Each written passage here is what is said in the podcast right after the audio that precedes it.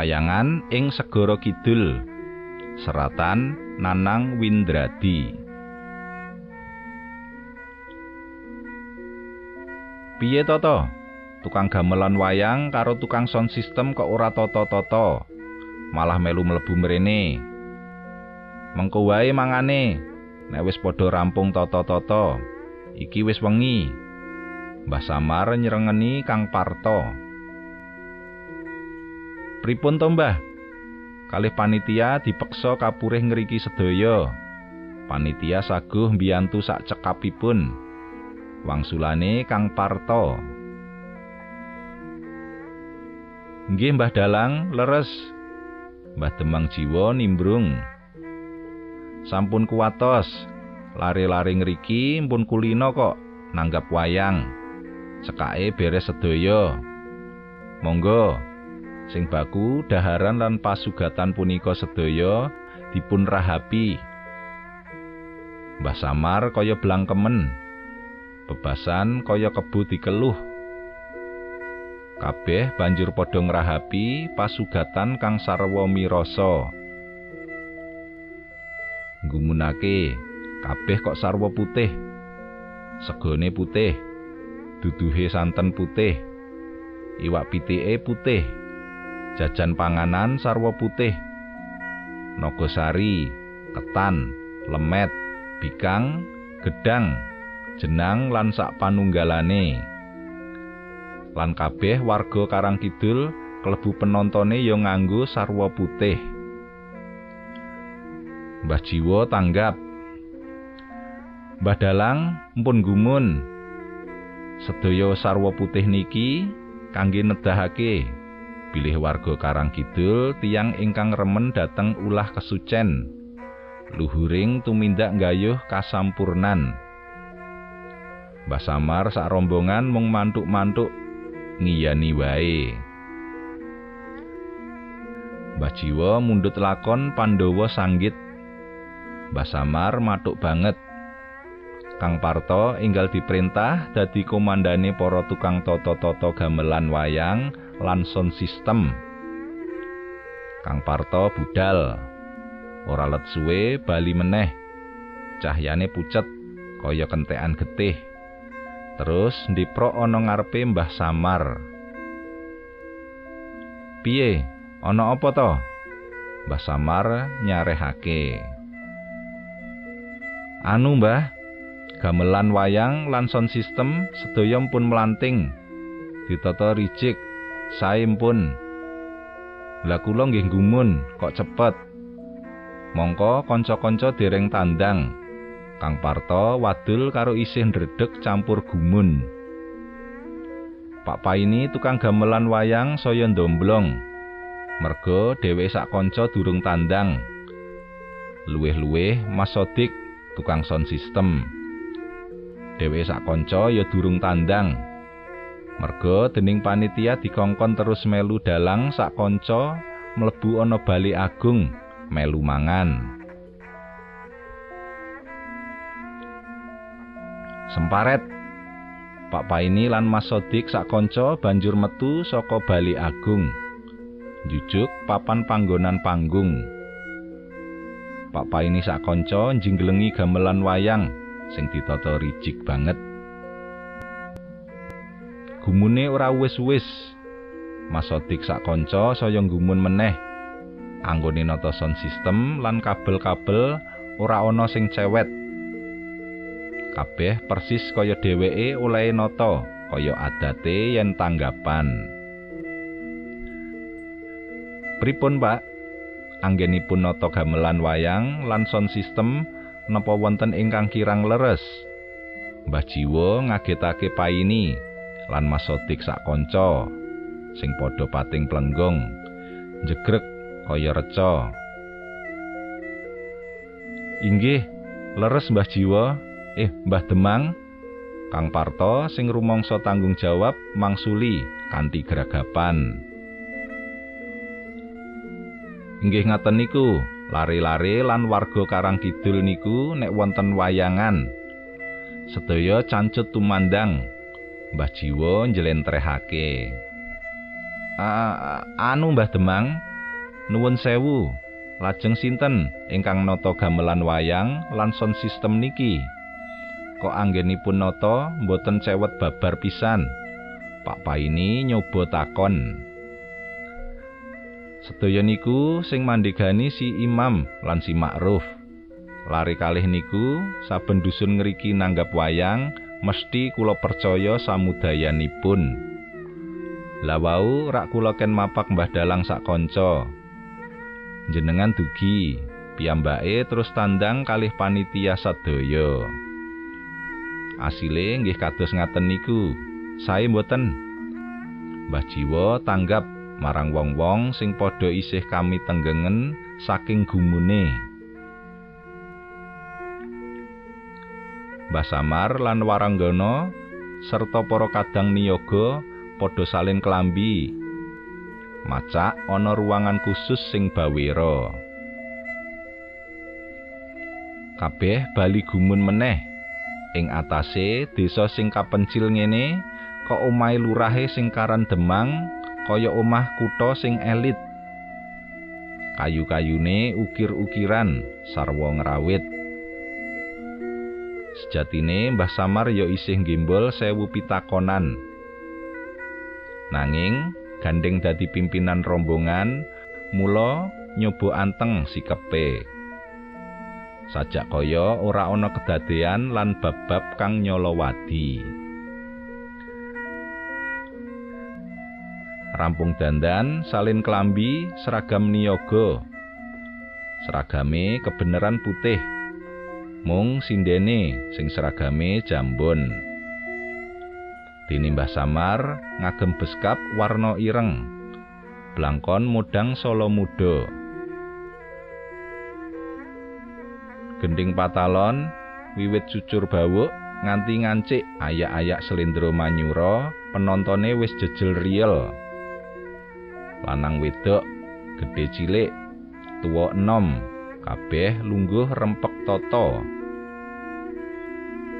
ngancik patalon srepek manyura banjur sindene siji-siji nembang palaran. Kabeh surak mboto rubuh. Gamelan gumuntang banter.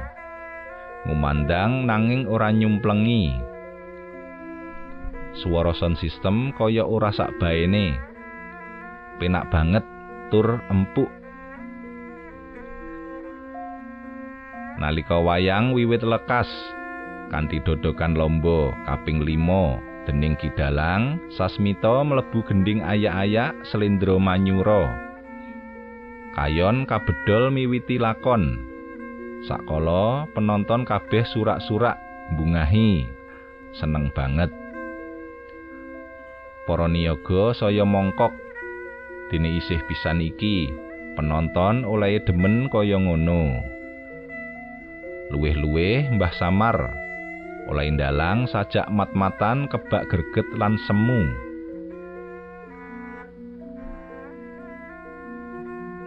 Wayang tancep kayon.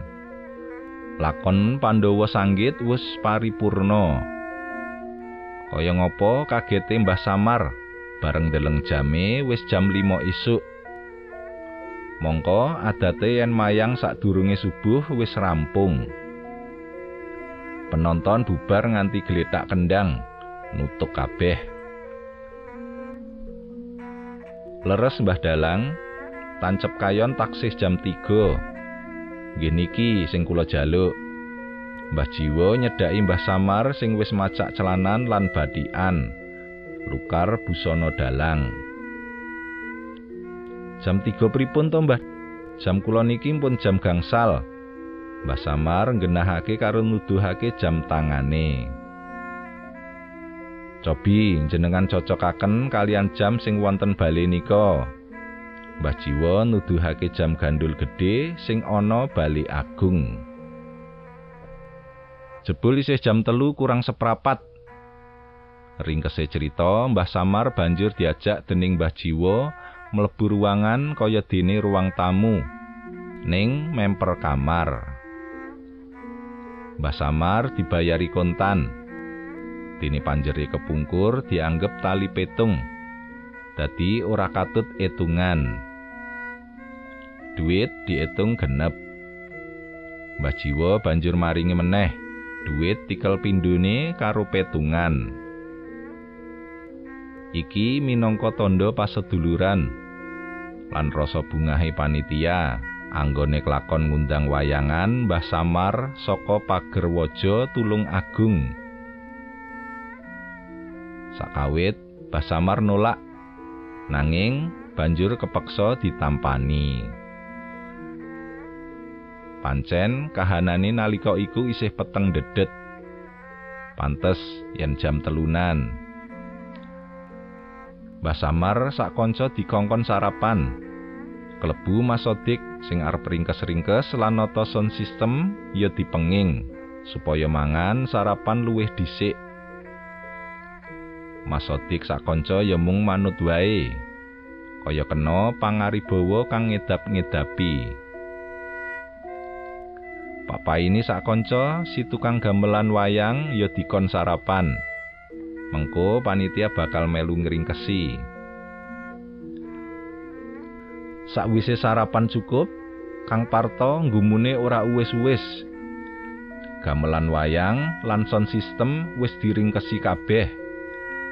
Malah wis padha melanting toto ana ing dhuwur trek kabeh. Anehe meneh, trek loro mau wis siap adepe. Klebu kol L300.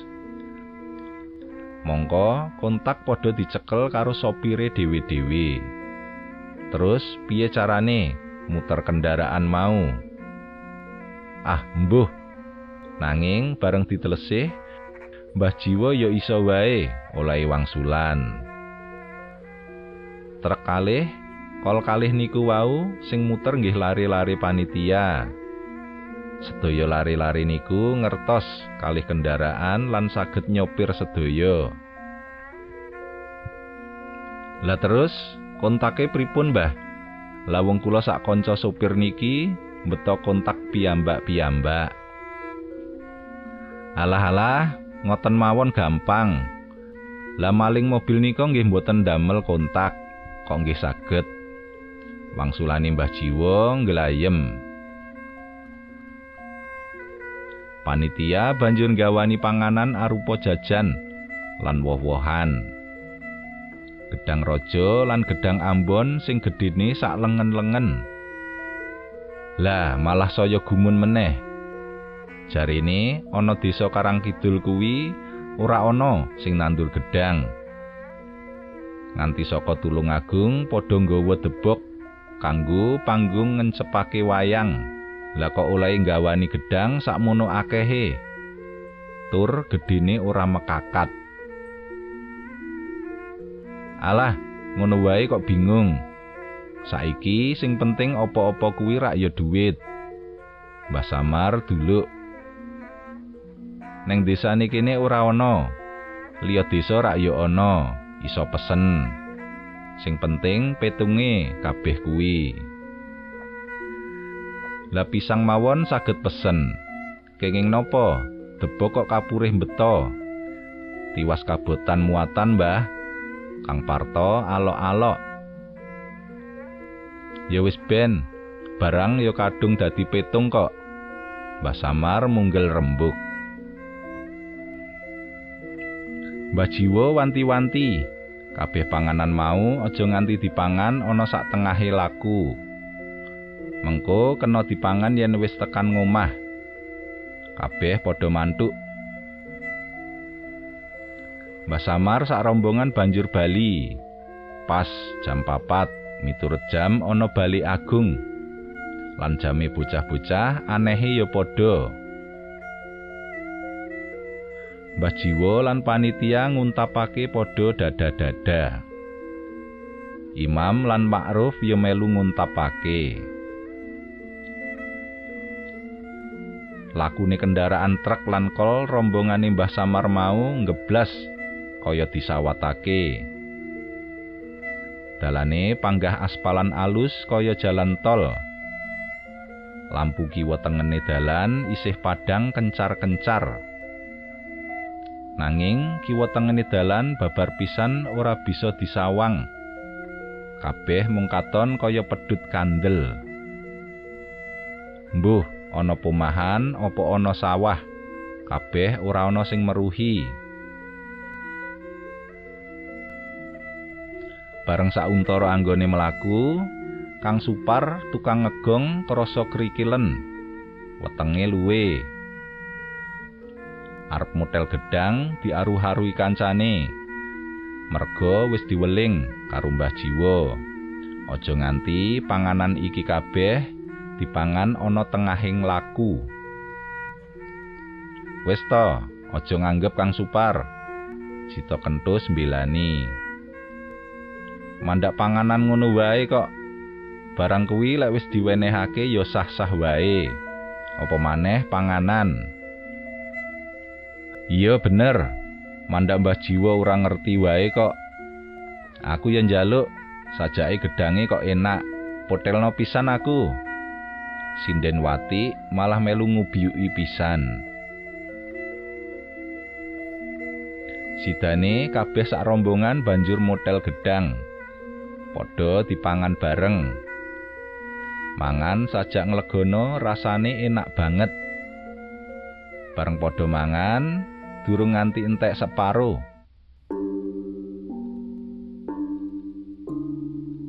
Padang langite.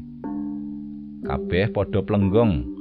Weruh kendaraan papat, truk loro lan kol L300 cacah loro ngerti-ngerti wis padha mapan ana sungapan kali kang tumuju segara. Rahayune kok wis mapan ana kono. Upama rada nengah sithik, gek kepriye kedadeane? Kendaraan papat mau banjur ngeblas ninggalake sungapan kali segara kanthi alon-alon tumuju daratan. ngliwati dalan cilik sing mung pas kanggo kendaraan. Nerajang rungkut, usana nemokake dalan aspalan. Mbah Samar nyocokake jam karo bocah-bocah niaga. Jebul saiki jame padha, yaiku jam 5 sore. Biuh-biuh, lah jebul mlakune saka ngomah dek wingi jam loro awan. wayangan mbuh pirang jam. Sing cetha budal saka Karang Kidul jam telu. Saiki jam 5. Dadi mbok menawa rampunge wayangane wiwit jam 8 sore nganti jam telu awan. Lah, layak to kesele ora mekakat. Mbah Samar mung mesam-mesem gleges.